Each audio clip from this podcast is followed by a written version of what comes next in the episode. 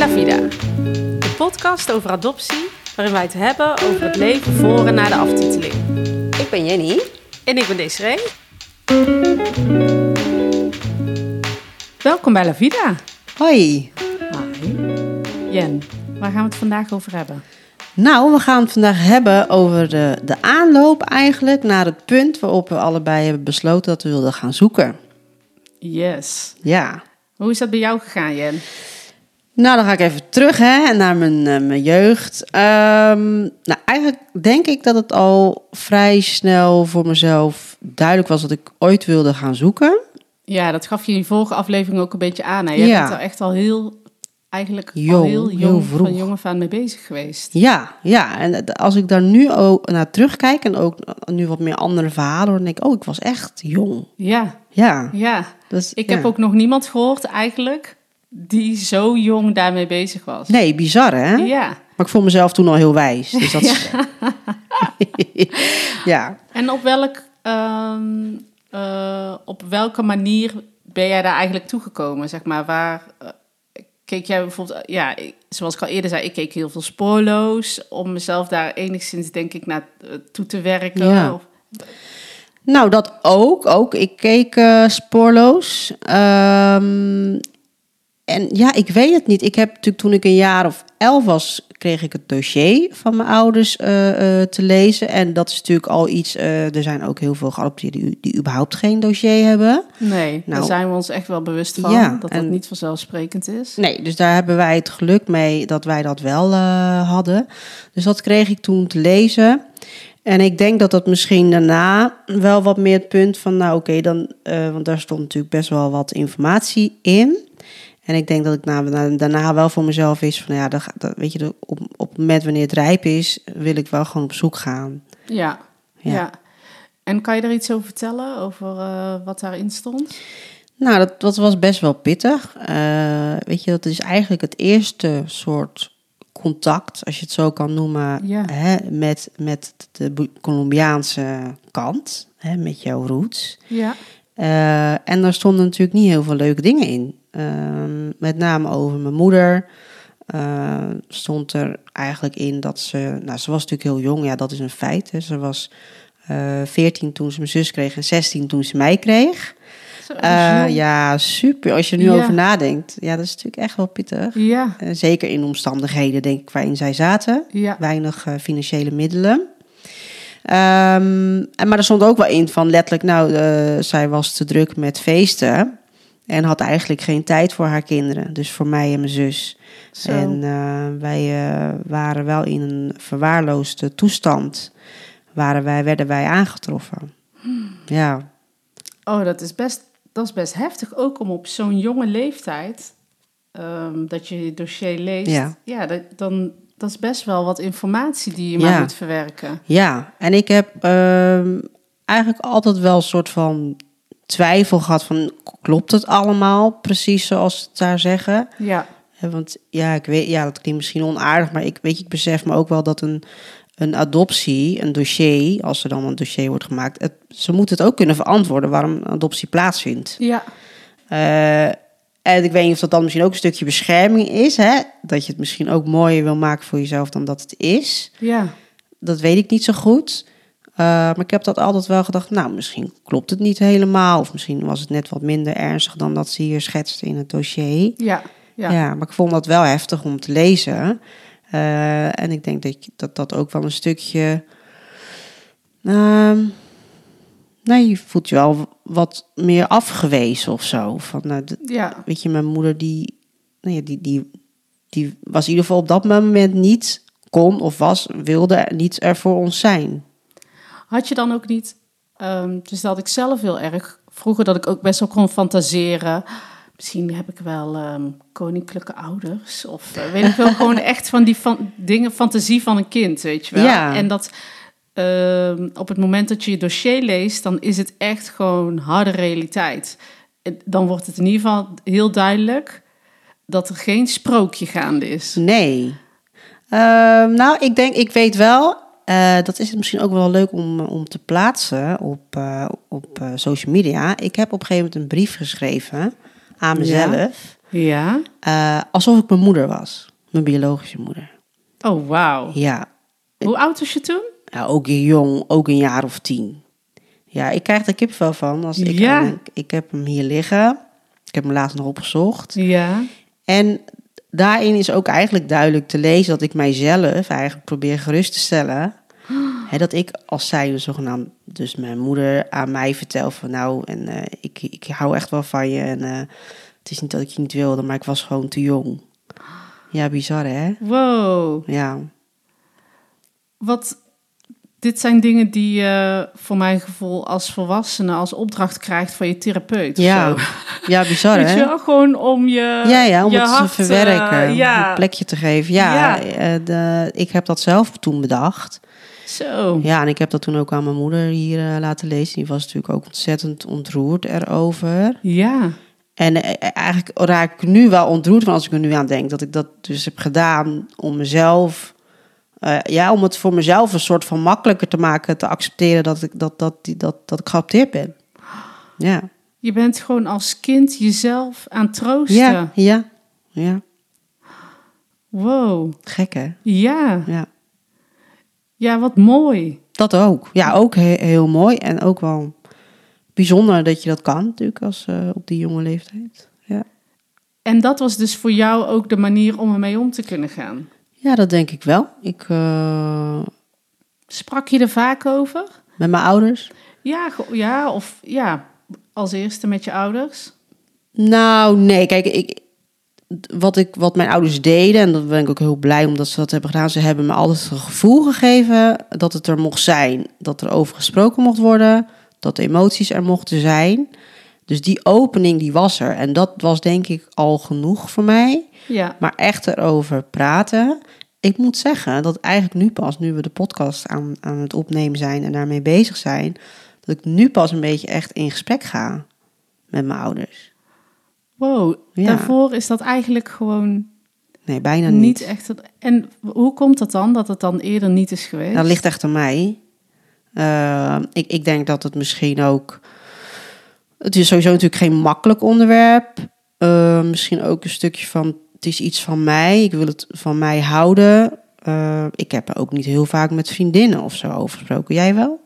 Nee, Ehm, liever niet eigenlijk. Nee. Ik kreeg ehm, eh, een reactie van een vriendin.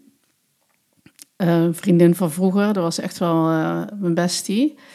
Ehm, dat, ze zo onder de, dat ze eigenlijk er een beetje van schrok en een beetje verdrietig werd van Ja. de podcast. Omdat ze zei, ik had echt geen idee. Nee. En als ik het had geweten, dan, dan had ik veel meer voor je kunnen doen. Ach ja. Ja, en dat raakte mij heel Ja. erg. Eh, ze, ze zei ook iets in het trant van... ja, dan had ik eh, je kunnen mee beschermen... voor de opmerkingen die er gemaakt werden. Of weet Ach, je wel, of ja. kunnen helpen om een antwoord terug te geven. En dacht ik, wow, ja... dat heb ik mezelf gewoon eigenlijk ook een beetje ontnomen... ja. door er niet over te praten. Aan de andere kant, de keren dat ik er wel over praat... en dan heb ik het niet specifiek over die vriendin... maar gewoon in het algemeen met mensen in je omgeving... los van mijn ouders... ehm, dat je vaak toch antwoorden krijgt die je eigenlijk niet verder helpen. Nee. Want het is best een... ehm, als je het...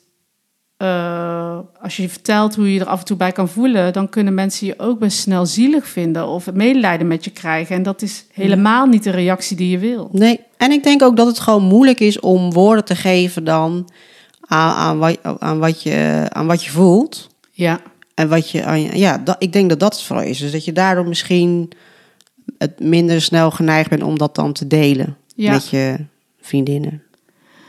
ja en omdat ehm, wat ik ook wel vaak heb gehad, is dat ehm, je dan vaak als reactie krijgt over.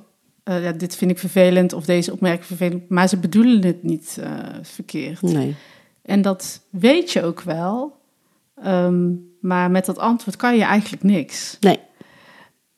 En ik, eh, ik denk dat nu ook meer eh, eh, gehoord wordt en dat gehoord mag worden over de, de kant van adoptie. Het is niet, het is best wel altijd een heel mooi verhaal adoptie geweest. Van wat mooi, weet je wel. Ja. Je bent hierheen gehaald en je hebt een beter leven Je gekregen. hebt een mooi leven hier nu. Ja, en met die gedachte, ehm, daarmee eigenlijk is er al bijna geen ruimte meer om aan te geven dat dingen soms ook echt wel heel lastig zijn. Dat klopt. En hoe, hoe geef je dat dan aan? Hè? Dus ik denk dat, dat dat ook wel een rol speelt. Misschien heel even terug nog naar ehm, nou ja, de, de, de, hoe ik daarna uiteindelijk dus naartoe ben gegroeid. Dat, ik wilde gaan zoeken. Nou, wat ik zei, eigenlijk wist ik het eigenlijk al wel vrij jong. En dat dossier, dat was wel mede nog een reden. Ook omdat ik besefte, ook ik heb best wel veel informatie. Want daar stond dan eh, ook de namen in van de broers en zussen van mijn moeder. dus dat zijn mijn ooms en tantes. En natuurlijk de naam van mijn oma. Dat is degene die hoofdzakelijk voor ons gezorgd heeft. En ons ook de keuze heeft gemaakt eigenlijk om ons af te staan. Ja, En ook de naam van mijn vader. En dat was eh, wat ik toen voor het eerst las, is dat mijn vader niet meer eh, leefde.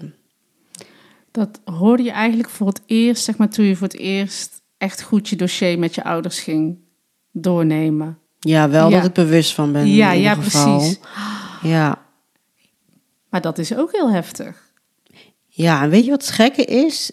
Ehm, als ik op dat moment in het dossier bewijs van had gelezen dat mijn moeder niet meer leefde, dan had dat een heel ander effect op mij gehad. Eh, ik las het. Eh, en ik las het. Maar eh, eh, ik, kon, hem- ik kon dat gewoon niet zo goed plaatsen. Dat gevoel, of wat ik dan zou moeten voelen. Ja, En dat komt misschien ook omdat ik om een of andere reden ook altijd, als ik met mijn adoptie bezig was, gewoon echt met mijn, met mijn moeder bezig was. Zo van, ik- wil Ja. weten wie zij is. En ja, ik weet het niet. Ik heb daar nooit heel erg ehm, dat stukje vader of zo, om een of andere nooit heel erg meegenomen erin. Ehm, ja dat herken ik wel. ja? Ja. in mijn dossier stond geen vaderpersoon Nee. genoemd. En ehm, daar heb ik ook eigenlijk nooit echt een punt van verder gemaakt. Ik, Nee. ik ben helemaal mezelf helemaal gaan fixeren op, ehm, ja, op je biologische moeder en haar naam en, en heel die kant. En ook, ehm, nou, dat, ik, dus ik, ik verwachtte ook niet dat, dat diegene dan nog eh, in beeld zou komen. Nou, na de ontmoeting was duidelijk wel ook dat dat ook niet meer ging gebeuren. En dat is ook nooit meer. Nee. Ja, waar ligt dat dan aan? Ja, dat weet ik niet. Misschien omdat een moeder, ehm, moederrol, moedergevoel is misschien zoiets eh, unieks. Zoiets. Kijk, je komt gewoon uit de buik van je moeder. Ja, En ik denk dat dat, eh, die, dat maakt het denk ik toch anders, denk ik. Ja. Ehm, ja. En ook, ehm, in mijn gedachte was ook al wel een beetje gewoon de logica. Zo van ja, de kans is wel heel groot dat als je afgestaan wordt, ehm, ja, dat, zijn, dat is 9 van de 10 keer, denk ik, eh, vanuit mijn beleving, dat dat dan ook niet door een stelletje gedaan wordt. Nee, de- vaak is dan de vader of zo op een of andere niet meer in beeld. Ja, inderdaad. precies. En ja, dat, dat is, ja, ja. Ja, goed, dus ik heb dat, ja, ik, ik heb daar ehm, op een of andere manier nooit heel erg ehm, emotioneel. eh, nee, dat, dat weet ik niet. En soms denk ik wel eens, waarom, wat gek, of waarom ben ik daar niet verdrietig om? Ja, Ja, je hebt het gewoon aangenomen als een feit. zoiets. En Ja. zo, heel soms popt het op, maar ja. Ja, Het, ehm, jij zei zelf net even snel van ja, ik heb dat niet, ehm, eh, ik heb daar niet vaak over gesproken of niet over, ja, in je jeugd. En waarom Nee. was dat bij jou? Ik, ik denk dat dat een eh, manier van om om te gaan met, met mijn adoptie. Eh, ik kan overkomen als een vrij nuchter persoon. Ik kan eh, goed dingen relativeren. Maar dat is natuurlijk ook gewoon een laag. Weet je, dat is ook gewoon een manier om met dingen om te gaan. Ehm, dus dat, dat was denk ik gewoon voor mij de manier om ermee om te gaan. Door er ook niet al te veel over te praten. En het eh, soort van zeggen, nou ja, weet je, dit, dit, is, dit is het. Maar dat is niet zo. Alleen ja, het is een manier. En je merkt nu ook, weet je, door er wel veel over te hebben, dan, dan merk je toch wel dat er ook gewoon veel emotie zit. En dat die af en toe op de meest eh, ongunstige momenten omhoog komen. Ja. Omdat het er gewoon wel is. Ja. En, maar het is niet erg. Hè? Kijk, ik ben nu 37 en eh, weet je, dat komt ook denk ik wanneer dat komt en wanneer je er klaar voor bent. Denk ik. En toen ik eh, zo jong was, nou, denk ik, nou, ik, vind, ik, ik vind het al best knap hoe ik er toen mee omging. En dat heeft me ook gered, denk ik. Het heeft Ja. ook gemaakt dat ik er zo in kon staan en dat ik er zo mee om kon gaan. Ja. En heb, jij verder ergens begeleiding gekregen? Of, ehm, nou ja, we hadden het eer- eerder al over, hè, dat je wel eens naar zo'n Wereldkinderendag bent geweest. Maar heb je verder later nog iets, iets gedaan als het gaat om eh, geadopteerd zijn en begeleiding voor je zoektocht? Nee, niet voor mijn zoektocht, eh, maar wel daarna. Dus daar kan ik nog straks nog wel wat over eh, vertellen. Ja, ja. Ehm, zal ik nog even vertellen hoe dat dan nog even voor de zoektocht ging? Nou, ik had dus dat dossier. En nou, dat heeft natuurlijk op een gegeven moment... Dat, toen was ik natuurlijk helemaal jong, was ik elf. Toen was ik een jaar of vijftien. Toen dacht ik van, nou, ik ben wel wijs genoeg om eh, te gaan zoeken. en toen hebben mijn ouders wel echt gezegd... Jen, weet je, je bent echt nog wel jong. Ehm, hè, die wilden me denk ik ook wel beschermen. En zo van, wacht nog even een paar jaar. Nou, dat heb ik gedaan. En toen ik 17 was, vond ik dat ik wijs genoeg was. En dat ik zoiets aan, nu is het tijd. Ja, ja. Ja. Oh, en wat vonden je ouders daarvan? Want die hebben jou enigszins al een tijdje, eh, hoe zeg je dat? Af moeten houden Ja. van dat idee.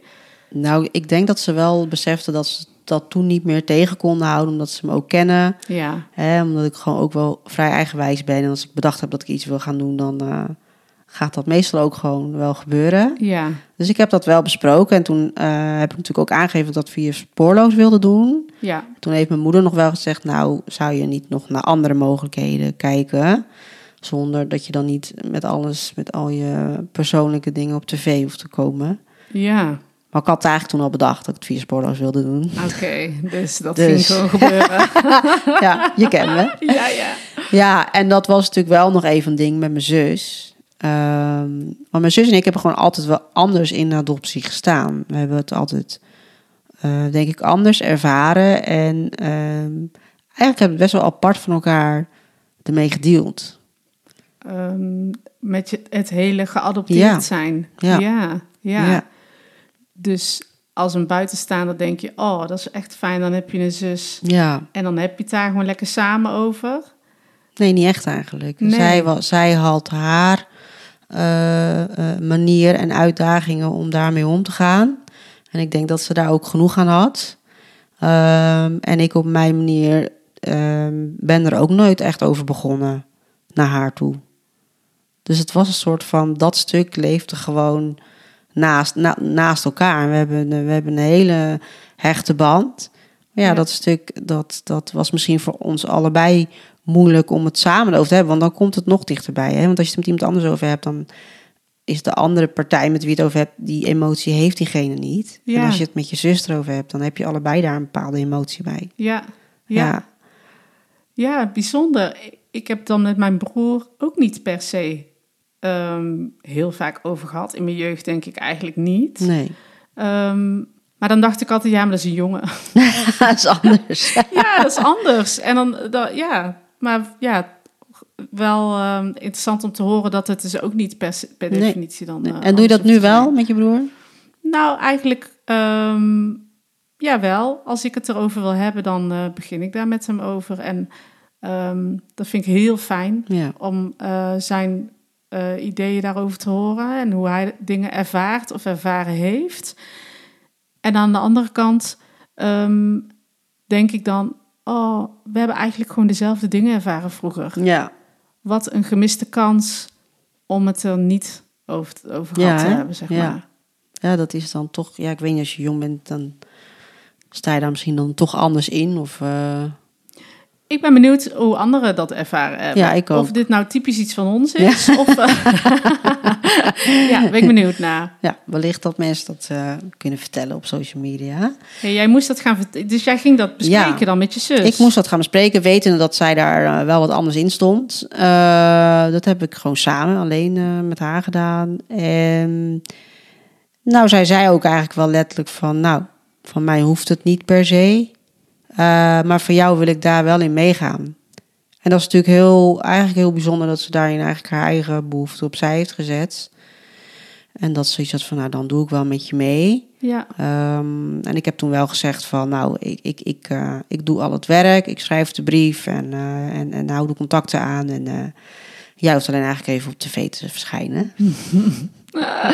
en Klein dat, detail. dat was voor haar geen, hoe zeg je dat, punt om het niet te doen. Nee, op een of andere manier, dat geldt voor ons eigenlijk allebei, hebben we daar wellicht ook niet heel erg goed over nagedacht. Van wat dat dan betekent dat je met zoiets op tv komt. Ja. Uh, dus daar gingen we eigenlijk vrij luchtig mee om. Zo van, oh ja, dat is dan, een, dat, dat, komt, dat is dan de consequentie hè, van de keuze dat we via spoorloos doen. Ja. ja, dat is dan maar zo. Maar dat is natuurlijk eigenlijk dat is niet, is niet zo. Nee. Maar dat is, wel, dat is wel een beetje hoe we vooraf uh, erin zijn gegaan. Ja. Ja. ja. En dus toen hebben jullie, dus toen is het besluit gemaakt, dat gaan we doen. Ja, toen heb ik, toen ik 17 was, heb ik een brief geschreven. Die heb ik natuurlijk wel uh, laten lezen aan mijn, aan mijn zus, ter goedkeuring. Van, Ja. nou, sta je hierachter? Ja. Uh, en dan verwacht je natuurlijk een beetje dat er binnen, weet ik het, een aantal maanden wel iets komt qua Ja. reactie vanuit uh. Maar dat, dat kwam dus niet, dat bleef weg. En dat, op een gegeven moment dacht ik, eh, jeetje, weet je, dat, dat- nou, wat gebeurt hier? En dan krijg je, je hoort helemaal niks. Nou, toen ben ik gaan bellen. Nou, toen werd we al wel snel duidelijk dat de, de stapel met brieven, zeker vanuit uh, uit Colombia, die was nogal uh, hoog. Ja, er zijn natuurlijk zoveel Ja, kinderen geadopteerd. Zeker in onze uh, jaren, zeg Ja. maar. Dus dat kon echt nog wel even gaan duren. Uh, en dat even werd drie jaar. Zo, Ja, dus dat, was niet even. lang. Ja, dat is super lang. ja. Maar op een of andere manier leef je ook je leven. Weet je, bij 17, nou, je weet zelf, je hebt dan gewoon allerlei andere zaken aan je hoofd. Ja, Uh, dus dat eerste jaar ben ik er heel erg mee bezig geweest. Heb ik ook een paar keer gebeld. En daarna op een of andere manier, ja, weet je, een soort van je verliest de hoop ook. Maar je hebt op een gegeven moment ook zoiets van, nou, ik, ik, ik heb het echt soort ook een beetje losgelaten. ja, En ergens, weet je, je bent ook nog zo jong. Dus misschien ergens ook onbewust het stukje van, nou, weet je, ik had niet zoiets van, ik ga het dan nu op een andere manier doen. nee, Dat had uiteindelijk natuurlijk wel gekomen, maar dat niet in die drie jaar op een of andere manier. nee. Nee. Dus die drie jaar, toen was in één keer die drie jaar voorbij. Ja, En toen werd ik gebeld. Ja, toen was ik, ik was alleen, ik was aan het klussen in mijn huis. En uh, ja, dat telefoontje, dat vergeet je natuurlijk nooit meer. nee. Nee, Dat is een cliffhanger, hè? dat is een cliffhanger. Voor de volgende aflevering. Ja, precies. Want we hebben dit punt bereikt. En Ja. het punt dat jij dit bereikt hebt op een andere manier, daar Mhm. is natuurlijk ook een aanloop in. Ja, zeker. Ja, veel later. Ik, eh, op de leeftijd waarop jij al bedacht had, ik ga zoeken, Ja. was eigenlijk voor mij wel echt de leeftijd dat ik het er ook vooral niet over wilde hebben. Ehm, ja, dat heb ik eerder al in de eerdere podcast verteld, hè, dat ik het echt wel heel lastig vond om het over te hebben. Ik wilde Ja. vooral liever niet met mensen daarover praten. Ik heb daar best wel moeilijk mee gehad. En waar had je het vooral moeilijk mee qua, om over te praten? Ja, eigenlijk alles wat, gaat, wat ging over mijn adoptie. Ik wilde gewoon eigenlijk vooral met rust gelaten worden en gewoon gezien worden als iemand anders dan geadopteerd. Ja. Eh, dat lukt natuurlijk niet. Nee. Dus ik werd daar heel vaak mee geconfronteerd en dat vond ik heel vervelend. En ehm, eerder eh, zei ik ook al, weet je wel, in de kapsalon, in de kapsalon, zie, spreek je gewoon zoveel mensen. Je bent, ik was kapster en er zitten zoveel mensen in je stoel. En eh, ja, je, je maakt altijd een praatje. En daar Ja. heb ik gewoon heel veel, eh, daar werd ik er gewoon al best wel heel vaak mee geconfronteerd met nieuwsgierige vragen. Van ik niet wist hoe je dat op een nette manier kon afwuiven. Dus ik wilde het daar gewoon vooral niet over hebben. Eh, totdat op een gegeven moment ehm, ehm, ik had besloten om naar Ecuador te gaan. Eh, ben ik gaan backpacken, alleen drie maanden. En eh, eigenlijk is daar wel misschien wel het eerste zaadje geplant. Want ik kwam daar in Ecuador aan en ik wist niet wat ik meemaakte. Want ik viel daar gewoon weg tussen Ja. de mensen. Ja, dan val je ineens niet meer op. Oh, en de muziek Ja, en de taal. eh, de taal. Ik ben daar de taal gaan leren. Ehm, ik voelde me daar zo zo als een vis in het water. Ik wist ook wel, ja, dit is niet mijn land. Nee. Dit is echt letterlijk, ik ben bij de buren. Ik ben nooit, ik had die reis makkelijk kunnen maken in die drie maanden om over te steken. Dat waarom heb ik heb niet je dat niet gedaan? ja, dat was voor mij toch nog te. ja, dat kwam dan te dichtbij voor mij. Maar ik kreeg het. Hoe zeg je dat? Ik ben wel echt lekker gemaakt. En ik ben ook. ehm, toen ervaarde ik hoe fijn het is om weg te vallen in de menigte. Ja. Ja, waar we het eigenlijk de vorige aflevering over hadden, waar je heel erg, waar ik heel erg naar, ehm, waar ik de behoefte heel erg naartoe had. Ja, dan werd ik daar, eh, die, die ervaring kreeg ik daar en dat vond ik echt heel fijn. Dus daar heb ik Spaans geleerd. En eigenlijk op mijn 25ste heb ik besloten om eh, eh, te gaan zoeken. En eigenlijk de aanleiding daarnaartoe is geweest dat ik gewoon niet zo lekker in mijn vel zat. En ik merkte, ja, dit, het ligt niet aan eh, bijvoorbeeld eh, mijn werk, of het ligt niet aan eh, mijn vriend, of het ligt niet aan. de- nee, er zit echt iets bij mezelf. Ja. En ehm, ja, toen heb ik uiteindelijk de, bes- de beslissing gemaakt om dat te gaan doen. En het stukje om dat te bespreken met je ouders. Ja, dat vond ik best wel. Nou ja, ik, aan de ene kant vond ik het niet spannend. Ik weet, mijn- tegen mijn ouders kan ik alles zeggen. En, en als ik met iemand over adoptie kon praten, was het met mijn ouders. Maar ik heb vroeger, en niet per se alleen maar als kleinkind, maar gewoon eigenlijk gewoon mijn hele leven eigenlijk hebben regelmatig mensen mij er best wel op gewezen ja, dat je best wel dankbaar moet zijn dat je geadopteerd bent. Of ehm, mensen zeiden heel vaak tegen mij: Oh, jouw ouders zijn echt, echt bijzondere mensen. En ik heb heel lang gedacht: Ja, ja weet je wel, oh ja, oh, weet je. Was ik trots op mijn ouders van ja, mijn moeder is ook super lief en mijn vader is ook super leuk. En ehm, Maar dankbaar. Op een gegeven moment- dankbaar. nou ja, op een gegeven moment kwam, eh, viel dat kwartje. Dacht ik, mensen bedoelen daar iets anders mee. Ja. Want waarom zeggen ze dat niet tegen andere mensen? Oh, je hebt echt hele bijzondere ouders. Of ehm, je bent vast heel erg dankbaar. Ja, dat, eh, dat is toch ergens in mijn hoofd gaan zitten. Ik heb, dat, ik heb dat nooit willen zijn. Dankbaar, als ik dankbaar aan mijn, naar mijn ouders ga zijn... over het feit dat, ik, dat zij mij geadopteerd Ja. hebben... Ja, dat, dan kom ik in een positie terecht ten aanzien van mijn ouders... waar ik helemaal niet, ja, waar ik helemaal niet wil staan. Nee, het voelt ook als een. soort- Ja. Ik vind een heel. Ik voel me er heel naar bij, bij dat woord. Als iemand Ja, ik ook. dat zegt. Ja. Ik ben ehm, mijn ouders dankbaar voor de jeugd die ik heb gekregen. Net als dat ieder ander zijn ouders dankbaar is dat ze een fijne, fijne jeugd, jeugd hebben gehad. Weet je wel, als jij een leuke jeugd hebt gehad, heb je daar echt overal te danken aan je ouders. Ja. Nou, ik ook. Ik heb echt een hele leuke jeugd gehad. Daar ben ik mijn ouders heel dankbaar staat voor. los van je adoptie. staat los van mijn adoptie, maar eh, daar werd ik wel heel vaak mee geconfronteerd. Dus ergens is dat wel in me gaan zitten. Dus ik, eh, met die gedachte ben ik het wel aan mijn ouders gaan vertellen. En hoopte ik wel dat ze me zouden steunen zoals ze me eigenlijk altijd gesteund hebben. Ja. En dat bleek ook zo. Er was helemaal niks aan de hand. Maar ik merkte wel dat dat wel een dingetje was. Nee, mijn ouders reageerden daar heel erg goed op. En hebben me heel erg ondersteund eigenlijk in mijn zoektocht. Heb jij wel eens overwogen om het via spoorloos te doen? Ah, ja, dat wilde ik echt niet. nee, dat leek me echt. ehm, ik heb altijd een beetje een haat-liefde verhouding gehad met spoorloos. Mhm. Ik vind spoorloos echt ehm, heel goed ook voor, ehm, voor mezelf geweest om te zien. Nou ja, om met adoptie bezig te kunnen zijn. Ja. eh, op een manier met alleen mezelf. Dus gewoon alleen ernaar kijken, weet je wel. Eh, alleen in je bed en lekker meejanken en daarna fantaseren.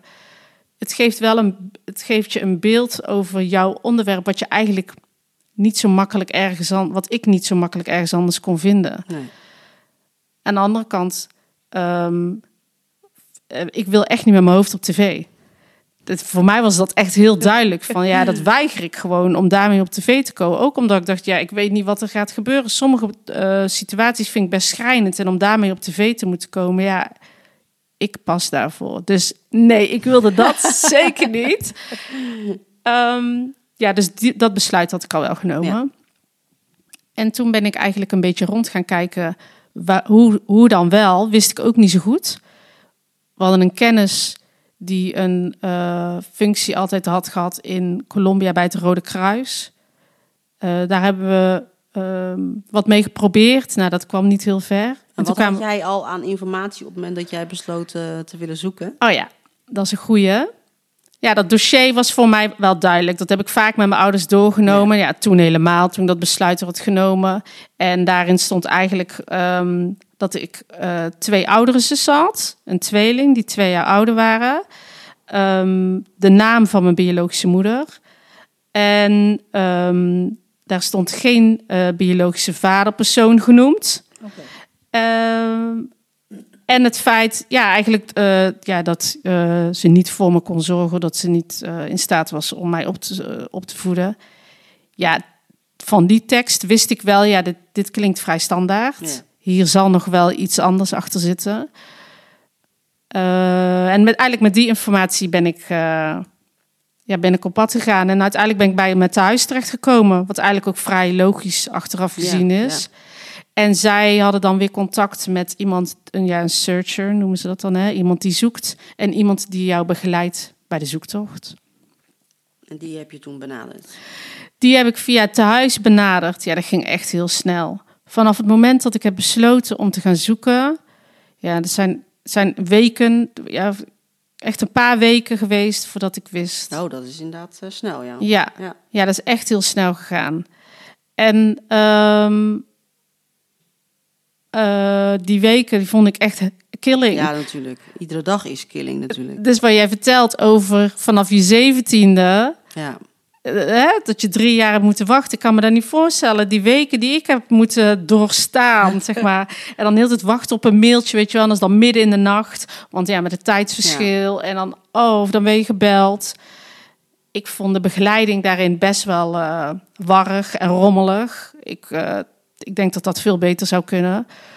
Eh, oh nee, we hebben deze informatie. Oh nee, toch niet. ja, dat is toch verschrikkelijk? Ja, of eh, oh, we gaan morgen zoeken. En dan, en zijn jullie morgen? Oh nee, nee, nee, toch niet. Weet je wel, het is echt een beetje chaos.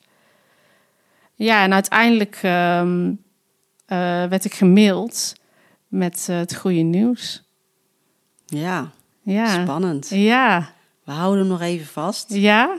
Oké. We komen daar eh, in de volgende aflevering op terug. Ja, daar gaan we het echt. Want dan gaan we het echt hebben over eh, ja, het, eh, het eerste contact eigenlijk Ja. met de biologische kant en hoe dat gegaan is. Ja. En, en wie er überhaupt wie we ontmoet, ontmoet hebben. Ja, Dus daar gaan we op terugkomen. Ja, ja want ja, nog even terugkomen op jou.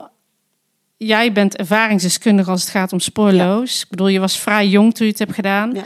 Zou je dat nu achteraf gezien, eh, zou je diezelfde keuze hebben gemaakt? Of zou je die keuze voor je kinderen maken? Is natuurlijk niet aan de orde, maar Nou, ik denk wel, want ik was natuurlijk 17, dus ik, ik, ik ben achteraf eigenlijk wel blij dat het drie jaar geduurd heeft. Eh, oh ja. ja, want als het allemaal wel meteen gelukt was op mijn 17e, dat, dan eh, weet ik ook niet hoe ik ermee om was gegaan. Ja, Ehm, ik adviseer wel mensen, als ze het via spoorloos doen, dat je je goed bewust bent dat je zelf goed kijkt naar de nazorg. Eh, weet je, dus kijk, dat is voor iedereen apart natuurlijk wat, wat je daarin nodig hebt aan nazorg. Maar goed, het is natuurlijk een feit dat zoiets gewoon heel indrukwekkend is. heb jij die gehad? Ja, die heb ik uiteindelijk zelf eh, opgezocht. Eh, Oké. Omdat ik, er- eh, ik had wel last natuurlijk van een aantal dingen. En je moet bepaalde dingen weer een plek geven. En, en er komen gewoon heel veel emoties omhoog die er daarvoor niet waren. En überhaupt natuurlijk het feit dat je eh, een deel van je familie, van biologische familie vindt. Ja, dat doet natuurlijk gewoon heel veel Ja, met je. zeker. Dat is Ja.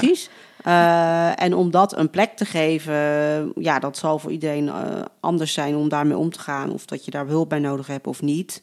Maar ik heb daar uiteindelijk wel wat eh, hulp bij gezocht, ja. ja. En werd je van tevoren voorbereid? Mm, nee, niet echt. Nee, nee.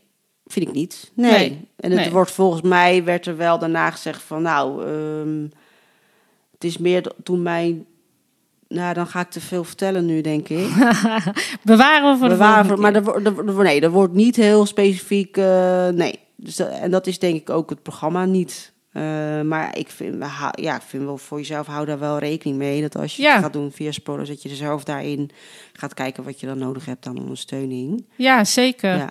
Nee, ja, ik had het natuurlijk ook niet, omdat je Nee. gewoon eh, het volledig eigen initiatief. Dus ehm, dat had ik helemaal niet. En ja, hoe ik dan daarna ermee om ben gegaan, ja, daar gaan we het inderdaad de volgende keer over hebben. Maar dat is wel allemaal eigen initiatief geweest Ja, ja. om, ehm, om daarmee te leren omgaan. Ja, ik kan me voorstellen dat dat nu wellicht anders georganiseerd is, dat weet ik niet. Je hebt nou echt van die rootsreizen, Ja, die echt georganiseerd worden. En ik ehm, kan me voorstellen dat daar veel meer begeleiding in zit als alleen maar daarheen gaan. Dat- En dat, ik denk dat dat heel fijn is en dat dat ook heel goed is. Ja, ja en da- dus daar ben ik zeker, zijn we ook wel benieuwd naar. Wat betreft de luisteraars, of Ja. daar verhalen over zijn. Of mensen dat op een andere manier eh, hebben Ja. gedaan. En wat hun ervaring eh, Ja, daarin eh, is. ja, We hebben nog een, eh, een stelling van vandaag. En die luidt... eh, de overheid zou financieel verantwoordelijk moeten zijn... voor het vinden van je biologische familie.